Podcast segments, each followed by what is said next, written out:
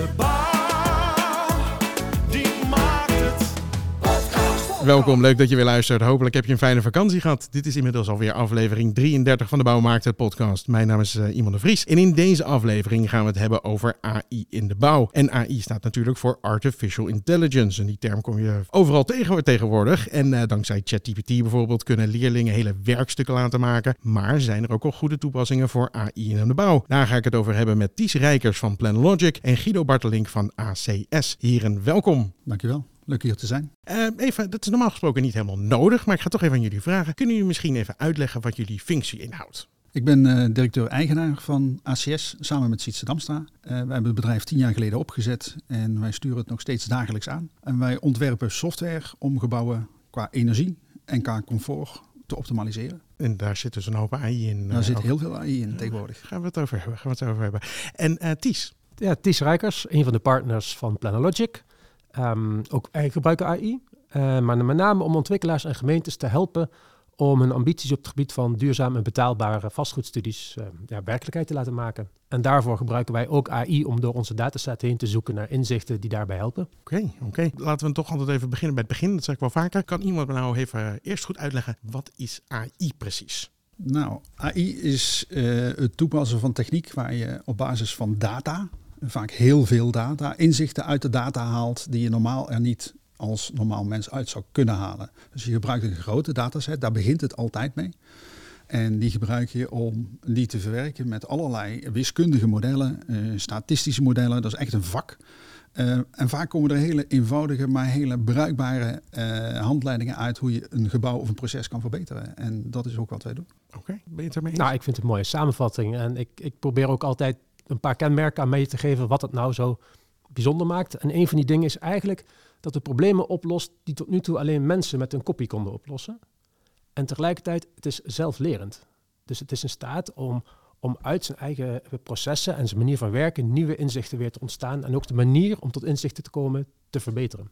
Ja, oké. Okay. Dus inderdaad, dus het begint met een grote dataset en die wordt uitgebreid door eigenlijk ervaringen of scenario's die ermee mee, mee uitspeelt of zo. Ja. Ja, oké. Okay. Ik denk dat heel veel mensen soms ook een beeld hebben van echt een soort kunstmatig brein. Echt bijna een zelflerend uh, uh, computersysteem. Maar er zitten toch ook nog wel heel veel mensen achter, toch? Of niet? Het vak AI is een, echt een vak. En daar heb je hele goed opgeleide mensen voor nodig. En die brengen met hun modellen uh, de kennis die eigenlijk in die data zit tot leven. En, en, dat is wat we nodig hebben. En dat is waar we uiteindelijk met elkaar de mooie dingen van maken. En wat moet ik me dan voorstellen van AI in de bouw? Nou het, het, is op veel plekken uh, in de bouw eigenlijk al, uh, al beschikbaar. Of het nu gaat van uh, um, onderhoud van infrastructuur. Dus dan moet je denken aan het scannen van bruggen op zoek naar scheuren daarin. En die dan, waar de AI dan kijkt naar al die plaatjes en interpreteert en gaat herkennen. Hey, dat ziet eruit als een scheur, want dat heb ik geleerd.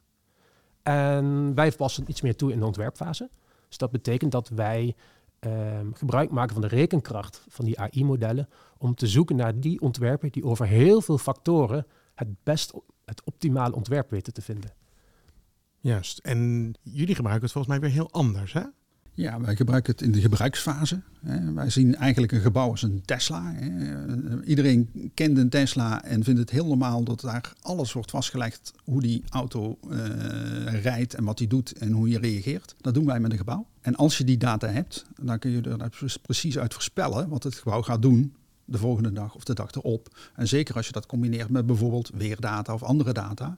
En dan kun je heel veel energie mee besparen. En wat is dan, als je het moet uitleggen, het even voor de luisteraars ook, het grote verschil tussen wat jullie, hoe jullie AI toepassen op jullie eigen manier? Nou, ik denk dat primair we ook in een hele andere fase van de bouwketen zitten. Ja. Ik zit als het ware met PlanLogic helemaal vooraan. Dus dat ja. betekent nog voordat een architect een pennenstreek op papier gezet heeft, proberen wij uit die dataset al te laten zien in welke hoek, op welk, in welke vorm, wat voor typologie van een gebouw, met wat voor formaat, met wat voor omvang, werkt nu het best op een locatie. En dat ja. doen wij om, om, om uit zo'n dataset daar al te kijken wat werkt wel, wat werkt niet. En dat heeft dat AI geleerd. Uh, maar het grappige is, uh, en dat is het mooie, want het is een, een, digitaliseringsmethode ook, is die wereld gaan met elkaar praten. Want zoals ja, Guido zegt, het combineren van data, dat doe ik ook. Het liefst ga ik ook al gebruik maken van de beheerdata waar Guido gebruik van maakt, om al meer voorspellend naar het ontwerp toe te kunnen werken. En ik vind dat een van de mooiste wat gaat gebeuren nu, is dat dus AI gekoppeld gaat worden aan de datasets van verschillende partijen. En de open data vanuit de overheid, van eh, modellen die de bouwers gebruiken. Dus dit gaat echt een dataspel worden. Ze zeggen niet voor niets dat data de nieuwe olie is.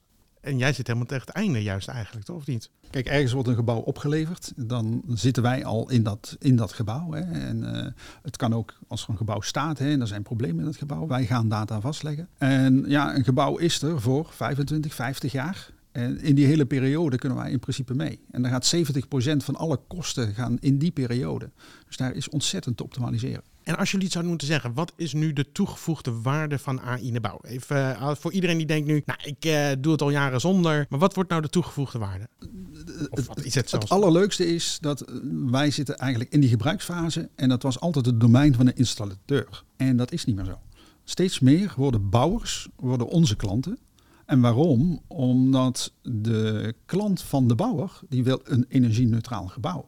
En die bouwer heeft in één keer gegevens nodig, heeft inzicht nodig, heeft kennis nodig om dat gebouw energie-neutraal te krijgen. En daar komt die AI en die data komen daar om de hoek. En in één keer gaat die bouwer weer nadenken over dat hele eh, gebruik. En dan een heel andere rol. Dus we gaan heel anders naar een gebouw kijken. Ehm, en daar speelt AI een hele grote rol in om dat optimaal uh, in kaart te kunnen brengen en optimaal uh, te kunnen gebruiken. En even concreet, want wat betekent dat dan heel anders naar een gebouw kijken? Wat, wat, wat verandert er dan zo aan? Hoe, uh, meer over hoe je het moet bouwen om het zo nou ja, energie-neutraal te hebben bijvoorbeeld? Ja, een, een, grote, een groot bouwbedrijf die zei van um, als ik wil kunnen groeien, dan moet ik energie-neutraal leveren. Want dat is wat mijn klanten eisen. En hij zei eerlijk daarbij, ik heb daar nooit echt over nagedacht, want dat doet mijn installateur. Ja, dat is niet meer zo. Als bouwer maak je een gebouw en jij verkoopt aan jouw klant een energie-neutraal gebouw. Dus jij moet daar grip op hebben. Ja. En dat proces, dat brengt eigenlijk die bouwer en, en, en weer helemaal in controle over dat gebouw. En dat is een hele mooie ontwikkeling, krijg je een veel beter gebouw van. En bij een ontwerpfase, want ik heb ook ergens een uh, interview uh, gelezen waar jullie zeggen van uh, ja, wij kunnen duizend ontwerpen van tevoren al, omdat er zoveel keuzes te maken zijn. Is dat wat jullie doen? Dat, dat is wel de basis van waaruit werken. Um, kijk, in essentie, het instrumentarium waar tot nu toe de markt mee gewerkt heeft, is de eigen kennis en ervaring, de onderbuik. En met een beetje mazzel in een hele vroege fase een eerste schets van een architect. Er is een heel bekende data-guru die zegt, ja, mensen die hun beslissingen nemen op, uh, op aannames, die hebben of mazzel of zitten fout. ja, ja. Want die architect zal uit eer en geweten een, uh, een best ontwerp hebben neergelegd. Maar wat nu als je er twee kunt beoordelen, of duizend, of 64 miljoen, ja. die alle varianten doorrekent en niet op één as, maar kijkt naar wat doet dat met bouwkosten. Wat doet dat met de, uh, um, de, de, mogelijk verhuurbare meters? En allerlei factoren die je daarin meeneemt. De complexiteit daarvan is met de menselijke geest simpelweg niet meer te beoordelen. En de rekenkracht van de AI is daar juist extreem goed in om dat te doen. En dat biedt dus veel meer inzicht in bijvoorbeeld ook in synergieën. Waardoor je dus in een vroege fase en betaalbaar en duurzame ontwerpen als startpunt kunt gebruiken. In plaats van starten vanuit een half plan en er halverwege achterkomen uh, dat het niet werkt. Of zoals onze klanten vaak zeggen, ja, projectontwikkeling is twee maanden leuk en dan zes jaar lang damage control.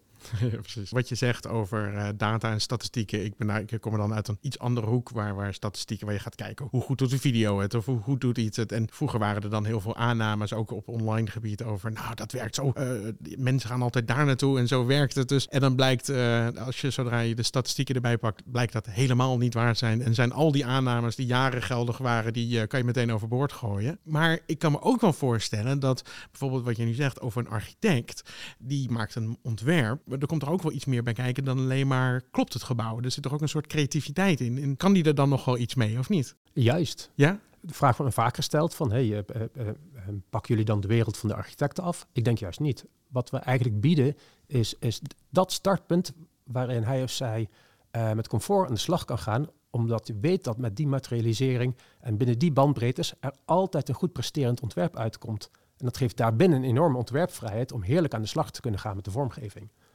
Um, dus ik zie het meer dat wij het, uh, het, het, beste startpunt creëren, van waaruit de rest van de keten uh, heel goed aan de slag kan. Ja, precies. Dus als een architect een, een creatief uh, ontwerp heeft, dan kan hij AI gebruiken om te zorgen dat het bouwtechnisch ook helemaal klopt. Zou kunnen. bijvoorbeeld? En wij proberen meer te zeggen van, goh, ehm, probeer eh, eh, geen L-vormig gebouw te maken. Want dat kan ik je al vertellen, dat werkt niet. nee, want waarom niet? Nou, in, in een, situ- in een specifieke situatie. Oh, het zou kunnen omdat ja. het niet goed uitkomt. Eh, en en dat, dat, dat ziet zo'n dataset al voor zich uit. Dat een bepaald kavel al dan niet geschikt is voor een bepaalde bouwvorm. En dat is beter om daar vooraf achter te komen dan wanneer je ontwerp naar de eh, naar de richting de gemeente gaat. Ja, dat snap ik. Maar als je het dan hebt over zoveel ontwerpen, bijvoorbeeld, eh, we eindigden net volgens mij bij 64 miljoen, zei je. Hoe maak je daar dan nog een keus uit? Want dat lijkt me dan ook wel weer heel erg lastig. Wat wordt dan, of kan je dan zeggen van, nou ja, mij, ik richt me toch het meest op eh, energie-neutraal bijvoorbeeld? Of hoe maak je daar nog een keus uit? Ik denk dat dat, dat, dat zijn, ik denk daar kom je echt in de wereld van natuurlijk ook de vastgoedontwikkelaar, de projectontwikkelaar en de architect die aangeeft, nou, wat wil hij bereiken met dat kavel? Vinden we daar belangrijker dat het een, eh, een mooie façade heeft en veel groen? Of zeggen nee, in dit project eh, is het echt eh, van noodzaak om veel betaalbare woningen te krijgen. En daarmee instrueer je als het ware ook het instrumentarium om te zoeken naar die varianten die daar het best bij passen. En ik denk dat daar ook de mooie mix ontstaat tussen de menselijke kant en de technologie die helpt met, met, de, met de kille rekenkracht. Om daar doorheen te kunnen filteren en te sorteren. Ja, dus je hebt inderdaad, je hebt al die ontwerpen en dan kan je ze nog steeds filteren of eigenlijk sorteren op eh, je prioriteiten die je hebt. Dus als je zegt van ik wil betaalbaar en ik wil duurzaam en dat soort dingen, dan krijg je een, een, een top 10 van ontwerpen bijvoorbeeld. Bijvoorbeeld, ja. Maar, maar het, eh, het gaat wel eh, interessant snel. Als we nu hebben over, eh, kan het apparaat ook zelf ontwerpen? Ja, steeds meer. Dat betekent dus ook dat eh, als je kijkt waar het heen gaat, eh, nou, we net zo eh, zien dat ChatGPT zelf teksten gaat creëren, gaat hij ook zelf gebouwen ontwerpen. En als je dit dan zegt tegen eh eh, architect, worden, worden mensen dan zenuwachtig of eh, denken ze, jee, wat leuk? Ja, allebei. Jawel? Nee, maar ik denk dat, het, dat dat een slag is met digitalisering die je overal zag. Hè, of het nou bij banken is of bij, bij, in de media. Is, er is een groep die al, dat als eerste omarmt. En zegt, oh, ik vind het fantastisch en ik ga ermee spelen. Ja. Maar er gaat ook een hele grote groep zijn die in het begin wat huiverig is. Maar uiteindelijk die wellicht het werk een heel stuk leuker kan maken. Door al die iteraties die je nu eh, handmatig na moet rekenen, ja, die hoeven niet meer. Daar kun je de technologie heel goed voor gebruiken. En geldt het ook bijvoorbeeld voor wat jij zei, ja, wij doen eigenlijk een beetje het werk van de installateur. Geldt het ook? eh, Nou, wij doen niet het werk van de installateur, maar wij maken dat het geheel van die installatie inzichtelijk. Ja. En je krijgt daar eigenlijk een hele andere dynamiek. Op dit moment komen wij bijvoorbeeld heel veel in de zorg. Die zijn vorig jaar heel erg geschrokken met hele hoge energieprijzen. En dat extra geld dat naar energie ging, ging rechtstreeks van het zorgbudget af. En in één keer is dat een heel groot issue. Iets waar ze niks van snappen, dat echt achter muurtjes zit. Hè, eh, kost in één keer heel veel geld en betekent gewoon dat er minder zorg is. Dus in één keer stond dat op de kaart. En als je dan oplossingen hebt waarmee mensen rechtstreeks controle krijgen, dan wordt het in één keer weer teruggebracht naar de essentie. Eh, controle op je kosten, grip op je pand, maar tegelijk ook betere zorg. En dat is wat mensen begrijpen. En dat betekent eigenlijk ook dat dat gebouw weer dichter bij die eigenaar komt. Hè. Je kunt weer veel meer focussen op wat je met het gebouw wil. En daar de prestaties eh, in zoeken om het eh, ja, voor jou zo optimaal mogelijk te maken. En eh, is het dan ook dat die installaties, bijvoorbeeld de klimaatbeheersing en ventilatie, dat die dan met elkaar gaan communiceren? Of, Ja. ja? Ja, eh, je moet ze altijd in samenhang pakken. In een gebouw zitten een hele hoop eh, installaties. Daar zitten misschien wel duizend subelementen in. Ehm, heel vaak zijn die helemaal niet gekoppeld. Nou, dan moet je ze koppelen. Ehm, en dan moet je ook echt gaan leren hoe dat als geheel werkt. Eh, alleen dat vraagt heel veel, heel veel data en heel veel sturing, maar dat zit gewoon in software. Dus dat, dat, dat, dat eet niks van je. Hè? Dat, dat, dat, je voert dat erin en het apparaat doet het voor je en dan brengt het gewoon terug in hele hapklare brokken. Hè? Als je dit doet, dan gaat dat beter. Hè? En eh betekent gewoon, het is vandaag lekker weer buiten. Ja. Hè, dus eh, 25 graden. Eh, maar in Nederland, in de helft van de gebouwen, wordt gewoon op dit moment 60 graden water gemaakt om het gebouw te verwarmen. Dat is eigenlijk heel raar. Maar dat weten we met elkaar niet, omdat dat diep in een installatie gebeurde, is ooit ingesteld. En als je dat nou allemaal boven tafel hebt, ja, dan kun je zo ontzettend veel doen om, om een gebouw beter te maken, comfortabeler te maken, gezonder te maken en energiezuiniger te maken. Ja, en, en vereist dat dan, ehm, want dat klinkt supergoed en dat klinkt ook alsof het kostbesparend is, maar vereist het dan bijvoorbeeld nu ook een, eh, bijvoorbeeld je hebt het over zo'n ziekenhuis, vereist het dan een hele grote investering? Nee, tegenovergestelde. En dat is iets anders dan wat TIES doet, maar wij komen het meest in bestaande gebouwen. En daar zit al een installatie in, daar zit een, een, een gebouwbeheersysteem meestal in. En wij koppelen op het gebouwbeheersysteem, laten dus alles zitten. En eigenlijk wat we aan hardware binnenbrengen is voor een paar duizend euro ben je in principe klaar met je hardware. En dan ga je data verzamelen. En daar zit de kracht. En de software, daar zit het echte denkwerk in. En die gaat optimaliseren. En in plaats van dat je nu je hele gebouw weer opentrekt, draden gaat trekken, et cetera. In principe heb je dat niet nodig als je een, een, een beetje redelijk gestuurde installatie hebt. Heb je dat niet, dan kan het ook, maar dan moet je wat meer moeite doen. Uh, geen enkel probleem, doen we ook graag. Maar vaak is het verbluffend weinig wat je hoeft te doen. En het gekke is, als je nou gaat kijken naar uh, hoeveel geld je ermee kan verdienen. Hè. Wij drukken het heel vaak uit in zonnepanelen. Ja. Uh, zonnepanelen zijn ongeveer zes keer zo slecht in rendement als deze technieken. Heel vaak heb je dit binnen een jaar terugverdiend. dus dat, dat gaat heel snel. En Eigenlijk denk je, waarom doet niet iedereen het? Maar ja, daar moeten we nog aan wennen. Oké, ja, want ik, wou, ik hoor een beetje ook in de manier waarop je het zegt, soort van, dit is nog niet een omarmde uh, uh, setting of zo. Nee, en wij hebben heel erg gezocht in de hele bouwketen. Hè, en we heel veel ook gesprekken gehad met mensen en natuurlijk allerlei projectjes. En krijg je nou mensen heel erg enthousiast? Nou, dat, ze vinden het best een moeilijk onderwerp en de bouw is best conservatief. Tot je op een gegeven moment gewoon een klant hebt die gebouw heeft en die een probleem heeft. En die zegt, oké, als jij dit doet, is mijn probleem opgelost. En dan ben je waar je wezen moet. En dan is alles daarachter is techniek. He, daar hoeft de klant zich in principe ook niet, uh, in ieder geval niet over wakker te liggen. Hè, dat doen wij voor ze. En dan is het weer terug naar, hé, hey, ik kan betere zorg verlenen. Of ik kan uh, mijn school, daar kan ik uh, toch dat, dat, dat uh, stukje theater wat ik in die school heb, kan ik open houden. Want ik kan mijn energierekening 30% terugbrengen. Ja, en dan ben je bij de essentie. Dan, dan ga je een beter gebouw maken. En, daar dat Guido ook iets waardevols zegt. Hè? Dit, ja. dit, dit gaat over... Um, kijk, jaren terug werden wij heel erg gehyped onder het motto van... oeh, ze doen wat met kunstmatige intelligentie. Uh, we hebben het er eigenlijk niet meer over, omdat we het onder de motorkap gebruiken. En het willen te plaatsen in de wereld, in de dagdagelijkse zorgen en de issues. Gemeentes en projectontwikkelaars uh, uh, liggen met elkaar in een soort standstill, omdat ze er niet uitkomen in de strenge eisen op, op betaalbaarheid en duurzaamheid. Dat hoef ik niet met uh, AI op te lossen. Nee, ik bied gewoon inzicht waar het wel mogelijk is en waar het niet mogelijk is. Um, niemand realiseert zich dat ze tegenwoordig in de auto naar Frankrijk met AI rijden. Maar Google Maps is niks anders dan AI op de achtergrond die een optimale weg zoekt over files, tolwegen, noem maar op allemaal. En dat gebruiken wij prima. Waarom? Omdat het ons dagelijks probleem oplost om op de meest slimme manier van A naar B te komen.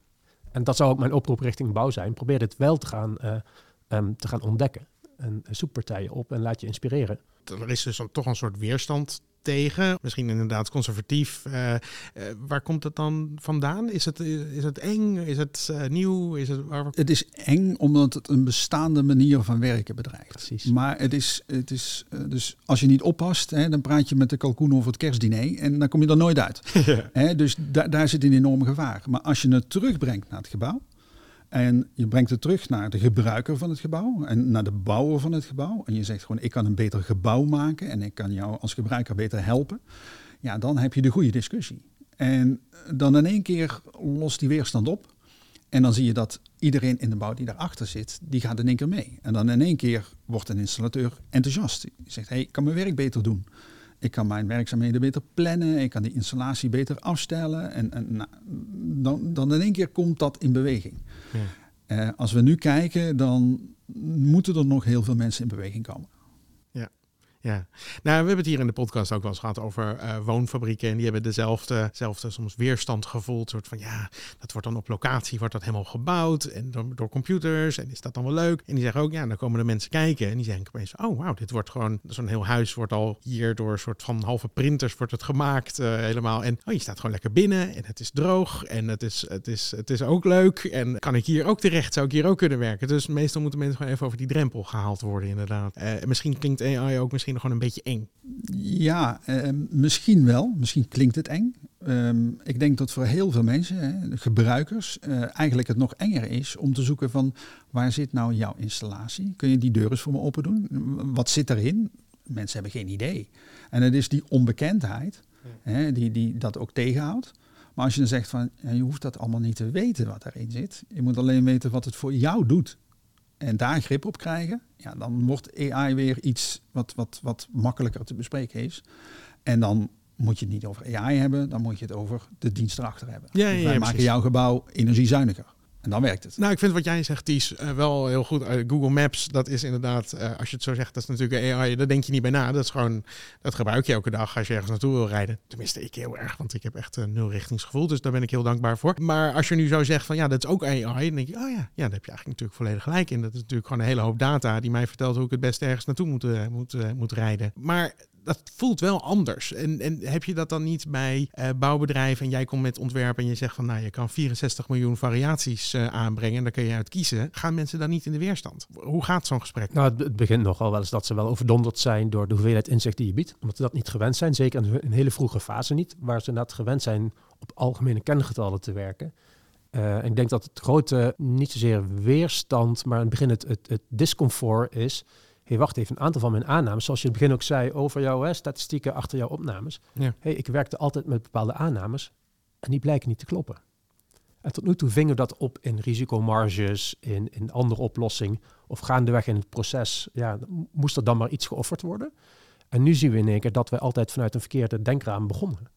En dat doet in het begin, schuurt dat even. En we hebben ook echt wel mensen die ons ontwerpen met de, met de lineaal nameten, om te kijken, klopt dat dan wel? Want het zit, zit zo efficiënt in elkaar en dergelijke, dat kan eigenlijk niet.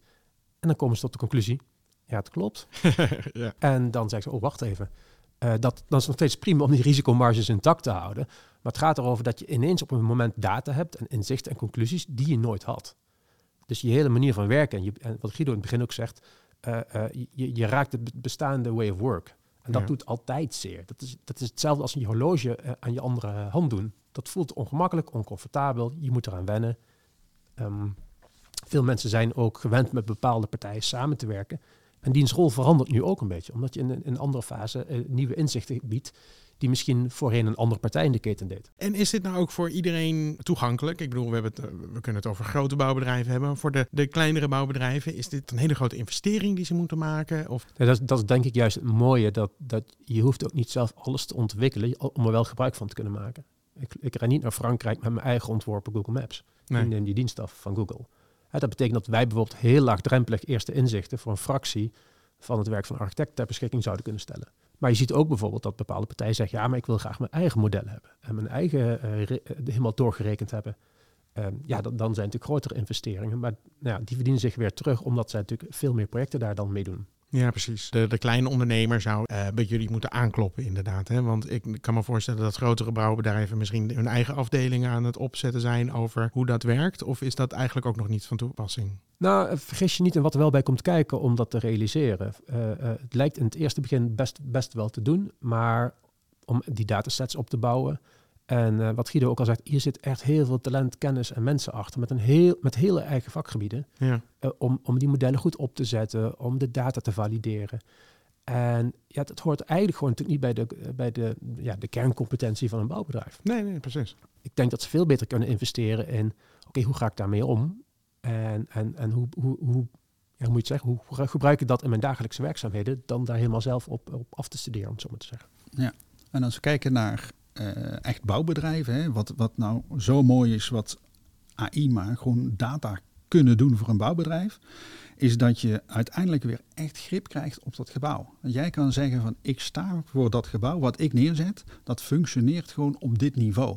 En dan, dan grijp je eigenlijk die, die, die macht terug over dat bouwwerk wat jij maakt. En ik, als bouwer zou ik dat heel graag willen. Want nu is het zo dat je allerlei partijen hebt, die doen allemaal een klein stukje. En zo gauw er een probleem is, wijzen ze allemaal naar elkaar. En niemand heeft het gedaan en niemand kan het oplossen. Maar dit biedt de mogelijkheid om weer echt grip te krijgen. En mm, die data, dat is gewoon wat het daadwerkelijk is. Dus iedereen kan naar hetzelfde wijzen. Het is er gewoon, het is inzichtelijk. En als bouwer kun je zeggen, ik ga voor mijn klant gewoon dit gebouw neerzetten met deze prestaties. En ik denk dat dat misschien voor bouwbedrijven nog wel de, de mooiste toegevoegde waarde is. Dat je gewoon kan zeggen, ik kan iets neerzetten waar ik helemaal kan staan voor de kwaliteit van dit product. En ik denk dat we dat heel erg gemist hebben in de afgelopen tientallen jaren. Want is het echt helemaal extern? Of moeten bouwbedrijven toch ook nog intern wel mensen, een soort contactpersonen gaan opleiden? Of moeten ze op een of andere manier zelf toch nog een paar investeringen gaan doen om dit mogelijk te maken? Of is dit echt een soort van, nee, dit is echt een dienst die je eh, inhuurt of erbij haalt eh, in, in, in een fase van een ontwerp of op het eind of waar dan ook? Ja, daar zit denk ik geen goed of fout eh, antwoord tussen. Weet je, het ligt eraan hoe diep je ermee aan de slag wil gaan. Maar ter vergelijking, je hebt ook al apps die je in één minuut je eigen AI-model bouwen. Hè. Dat, dat gaat dan niet per se misschien direct van toepassing op de bouw, maar dat zit bijvoorbeeld om door, eh, door datasets heen te gutten en daar hele slimme, snelle analyses op te doen. Een beetje de, echt nog de gebruikerskant daarvan. Het belangrijkste denk ik dat ze zich moeten erin gaan verdiepen. En gaan kijken, wat is het nou? En ga eens lichtvoetige experimenten doen. Uh, ga een keer naar een andere uh, uh, branchedag doen dan naar een dag van bouw in Nederland. Sorry daarvoor. maar ga je een keer laten verwonderen door wat daar gebeurt. En, Ja. en zie wat ze in ziekenhuizen doen om, om aan imageherkenning. Eh, en kijk daarmee van, hé, wat betekent dat voor mij? Kan ik daar ook iets mee? En ga je zo stapje voor stapje verder oriënteren. Want dit gaat wel vreselijk snel. Ja. En de ChatGPT's van deze wereld hebben daar natuurlijk al een enorme lans gebroken. Maar ook daarvan, als je daar weer achter kijkt wat daar aan zit te komen, uh, uh, je, kan je niet meer veroorloven weg te kijken. En, en wat, uh, want, want je zegt je, wat er aan zit te komen, wat zit er dan aan te komen? Nou, ik bedoel meer te kijken als je bijvoorbeeld nu kijkt naar een betaalde versie van OpenAI, ja. dan zie je daar bijvoorbeeld dat er allerlei plugins zijn. Dus waar je voorheen hem alleen textueel dingen kon laten zoeken. En kun je hem nu ook opdrachten geven. Goh, en boek dat meteen via Expedia. Want die zit er links achter. Ah. En doe me de ideale weekendje weg daar naartoe. Nou, dat, kun je, dat zou je ook natuurlijk in een bouwsetting kunnen plaatsen. Ja. Daar zijn we nu nog niet. Maar daar zit je ook weer niet extreem veel ver vandaan. Ja, jullie zitten allebei aan andere kant. Dus ik, ik begin even bij jou. Maar wat is dan voor jou, wat denk je wat de toekomst van, van AI in de bouw is voor, uh, voor jouw uh, tak van sport? Nou ja, dit, wat, wat ik uh, uh, eerder ook al zei, dit is een datagame. Dus, dus en waar we met elkaar nog heel veel in moeten gaan investeren, is de kwaliteit van de onderliggende data. Daar, daar zijn we nog een beetje een ondergeschoven kindje in. Uh, al kijk je maar naar de verschillende BIM-achtige modellen en noem maar op allemaal. Maar dit gaat over het verbinden van datasets. Dit gaat over de open data die de overheid heeft, met gebruiksdata vanuit energie. En hoe kun je daarmee uh, veel meer voorspellend gaan werken wat je ergens zou willen gaan realiseren. Mooi van AI is die combinaties. Want uiteindelijk gaat het over het combineren met inderdaad die, uh, die fabrieken die gaan uh, bouwen of de 3D-print-achtige technologieën. Hm. En, en die dan aangestuurd worden door AI-plannings- en sturingssoftware. Daar zit natuurlijk een revolutie uh, aan te komen. Dat zijn we nog niet. Maar dat, dat, maakt het wel interessant de komende jaren om te kijken waar het allemaal heen gaat. We hebben het nu over één gebouw, maar kan het ook zijn dat je naar een heel gebied gaat kijken? Tuurlijk. Ja. ja. Dat, dat, dat, doen wij al. Juist, juist vanuit die data weer kijken, wat zou je in een gebied moeten willen. En dan krijg je het interessante, hè, wij werken ook uh, met, uh, met eigen GIS-data-experts, die de openbare data bij elkaar trekken. Ja, die, die willen niks anders dan dingen combineren. Van, joh, kijk je nu ook naar uh, wat is de klimaatstress van een gebied? En kijk je dan ook naar dit en naar dat? Die zijn alleen maar bezig met databronnen aan elkaar te combineren, om dat als input mee te geven aan wat zou je nou met zo'n gebied moeten doen. Ja. En dat zou je dus ook kunnen koppelen aan bijvoorbeeld, uh, nou ja, we hebben een paar uh, hot topics natuurlijk, uh, stikstof en allemaal dat. Als je dat, dat, dat soort datasets aan elkaar kan koppelen, weet je ook precies wat je kan bouwen en hoe die, dat je niet boven die grenzen uit gaat komen. Ja. Oké. Okay, ja, ja, nee. hoe, wij, hoe wij nu bijvoorbeeld kijken, is dat wij, dat wij een hele gemeente erin zetten en kijken naar welke kavels zijn nou beschikbaar. Ja. Wat, welke lenen zich beter of minder goed voor ontwikkeling van woningen. Dus waar zou je bij wijze van spreken als gemeente, in welke volgordelijkheid zou je bepaalde kavels moeten aanwijzen? Dat is, dat is een hele complete andere manier van kijken naar, naar woningbouw dan, dan we nu doen. Goh, er zijn allerlei kavels, misschien goed, misschien slecht. En we gaan in het vergunningsproces wel achterkomen waar we zijn. Ja, precies. Ja, jongens, we moeten 900.000 huizen uh, gaan bouwen. Daar gaan we niet op, op, op, de klassieke manier komen. Ik denk dat in de gebruiksfase er eenzelfde soort dynamiek ligt. we zien nu heel veel netcongestie. En netcongestie is dat ons stroomnet vol zit. Nou, we hebben er zelfs een podcast over gemaakt. Dus ik, ja, uh, ja, ja dat, dus dat, dat, is, dat, is, dat is heel relevant voor iedereen die bouwt, maar ook iedereen die een gebouw gebruikt. Onze gebouwen gebruiken ongeveer een derde van al onze energie. En als we die flexibeler kunnen sturen, uh, dan kun je eigenlijk die hele netcongestie kun je oplossen. En dat begint weer met die data. Dus met de systemen die wij nu aan het implementeren zijn, kunnen wij al flexibel sturen. En op dit moment zijn we aan het experimenteren om gebouwen afhankelijk van het elektriciteitsgrid eh, te laten eh, optimaliseren qua comfort en energiegebruik. Daar ligt een wereld open. En dat betekent echt dat je problemen als netcongestie kan je voor een heel groot deel oplossen met AI-modellen die ook in gebouwen werken. Nou, dat opent enorme perspectieven. En dan hebben we het niet over uh, 5 miljoen of 10 miljoen qua investeringen. Hè. We plannen met elkaar miljarden, tientallen miljarden investeringen in netcongestie. En op dit moment zijn er projecten waar we geen warmtepompen inzetten, omdat we niet kunnen aansluiten op het net. Dan zetten we er toch maar weer cv-ketels in. Dat is eigenlijk, eigenlijk ja, bijna schokkend. Ehm, en dat is gewoon op te lossen. En dat vraagt gewoon anders denken. En dat is niet ver weg. Eh, dat is echt. In twaalf maanden zijn in principe die systemen zijn zover dat, dat we dat kunnen toepassen. Dus ja, die, die, die, die, die bal rolt heel snel. En eh, ja, eh, hoe meer mensen op die bal springen, hoe meer lol we er ook met elkaar van gaan hebben. Ja, en ik denk wat Guido terecht aanhaakt. Ik denk dat hij en ik allebei um, voor schaalbare oplossingen die nu mogelijk zijn. Waar we tot nu toe alles op een soort project bij project basis doen, bieden dit soort technologieën nou juist uniek de kans om een, probleem op een grotere schaal aan te pakken. Ja. En nou ja, die problemen, je noemt stikstof, de netcongestie, betaalbare woningen, die hebben schaalbare oplossingen nodig. En hoe vaak hebben jullie nou dit soort gesprekken dat uh, iedereen zijn ogen open gaan en denkt van, oh wauw, dit is echt de oplossing voor alles? Want zo voelt het wel een beetje als jullie het erover hebben. Voor heel veel problemen die gewoon zo ingewikkeld zijn, klinkt het wel alsof het nog heel veel dingen kunnen oplossen daadwerkelijk. Wat wij zien eigenlijk, wij zijn tien jaar bezig. Ja. En ik denk dat wij acht jaar lang heel veel van dit soort gesprekken hebben gehad. En dat iedereen enthousiast was en dat de volgende dag er niks veranderd was. En eigenlijk wat er uh, nu echt veranderd is, is dat met uh, de oorlog in Oekraïne en daardoor de, de pieken in de energieprijzen, dat iedereen in één keer denkt, dit kan zo niet. Ik ben kwetsbaar. Ik ben kwetsbaar in wat ik doe. Als school, als gezondheidszorg, als fabriek. En in één keer moet het anders. En nu zien wij dat bedrijven zeggen, het moet anders. Kan jij mij helpen? En dan heb je een heel ander gesprek. Dus wij zien eigenlijk dat sinds een, dik jaar uh, eigenlijk ja, de hele markt en de hele manier waarop partijen kijken heel erg aan het veranderen is. En ik denk dat dat ook een bal is die niet meer te stoppen is. En als bouwbedrijf of als installateur of als eigenaar van een band, ja, moet je daar wat mee. Dan hoef je niet al die AI te kennen, dat is helemaal niet belangrijk. Maar je moet wel snappen wat zijn de grote lijnen en hoe kan ik daar verder mee komen. En dan zijn er hele grote mogelijkheden. En, en als je nou, zou je dat ook tip voor bouwondernemers zijn? Wat moeten ze gaan doen? Dus dat is een beetje mijn paradepaardje. Ja. Maar als, als bouwer zou ik heel nadrukkelijk zeggen: ik wil weer eindverantwoordelijk zijn voor dat hele gebouw. Met alles wat erin zit. En ik wil die controle hebben. Ik, er is geen bakker in Nederland die geen verantwoordelijkheid neemt voor zijn brood. Maar als bouwer, hè, daar kunnen we een discussie over hebben hoe die verantwoordelijkheden liggen. En een bakker die gaat nooit in, in, in, in conflict met, met zijn leverancier van, van meel over waarom dat brood niet lekker was. Eh, en als wij weer grip kunnen krijgen op dat gebouw, en we hebben al deze nieuwe technieken, dan kun je daar enorme sprongen in maken in verduurzaming, in, in, in verbeteren van congestieproblemen, in, in, meer comfort. Het kan uh, kostenbesparend werken en daar ligt een hele grote mogelijkheid. Dus de klik maken van ik wil die controle hebben als bouwer, ik denk dat daar de sleutel ligt. Nou, Ties, heb jij nog een tip voor ondernemers? Nou, ik denk, kijk, wat wij nu heel veel merken is dat heel veel bouwprojecten uh, in, in, de planfase stilvallen. Omdat uh, de bouwkosten zijn gestegen, de rentes zijn uh, omhoog gegaan en de eisen op duurzaamheid gaan alleen nog maar verder omhoog. Daar kun je op twee manieren mee omgaan.